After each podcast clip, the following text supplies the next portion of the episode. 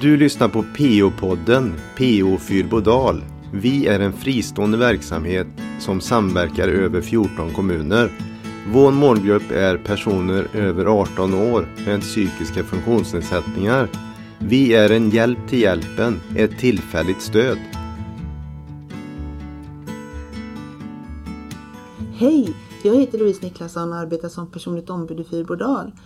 Eh, Jag sitter här idag med Cecilia Solving som är enhetschef inom socialpsykiatrin i Uddevalla kommun.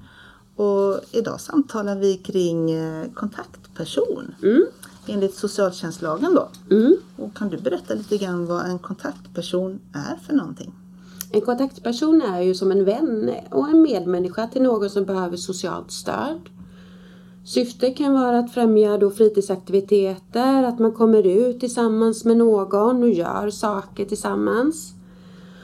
Och det är allt från att fika, ta en promenad eller ja, gå på bio. Så det är som en medmänniska som man träffas. Och göra lite roliga saker tillsammans med. Precis.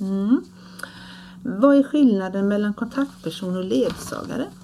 Ledsagare säger man mer sådär krasst, krasst. Men är en person som följer dig från punkt A till punkt B.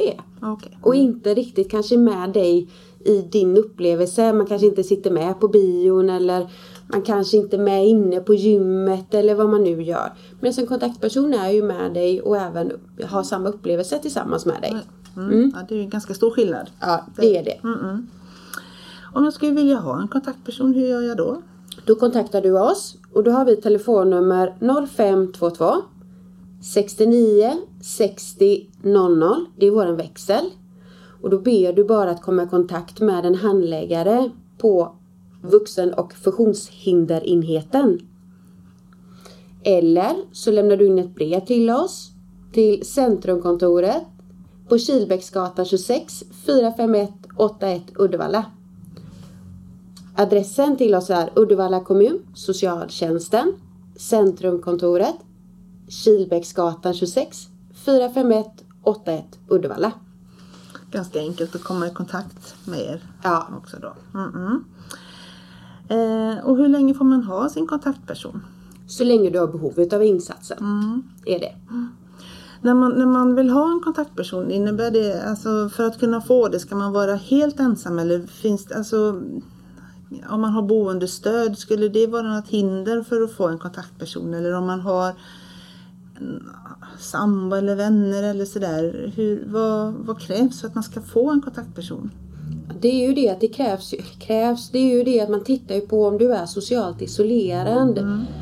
Har du då andra ja, sammanhang du är där du träffar andra människor, ja, men då tittar man ju lite på har du behov utav detta? Så det är ju väldigt individuella behov. Ehm, och oftast tänker vi att prata med personer som kanske har boendestöd och ge uttryck för kontaktperson och pratar om att ska vi inte göra någonting med boendestödet? För det kanske kan vara lite lättare till och med. Kontaktperson är ganska uppstyrt hur lång tid och hur ofta. Boendestödet, ja men där är det lite, kanske lite större möjlighet att påverka när och hur och så. Så vi, det är lite individuella behov som styr. Ja. Eh, om man har en kontaktperson, kostar det någonting?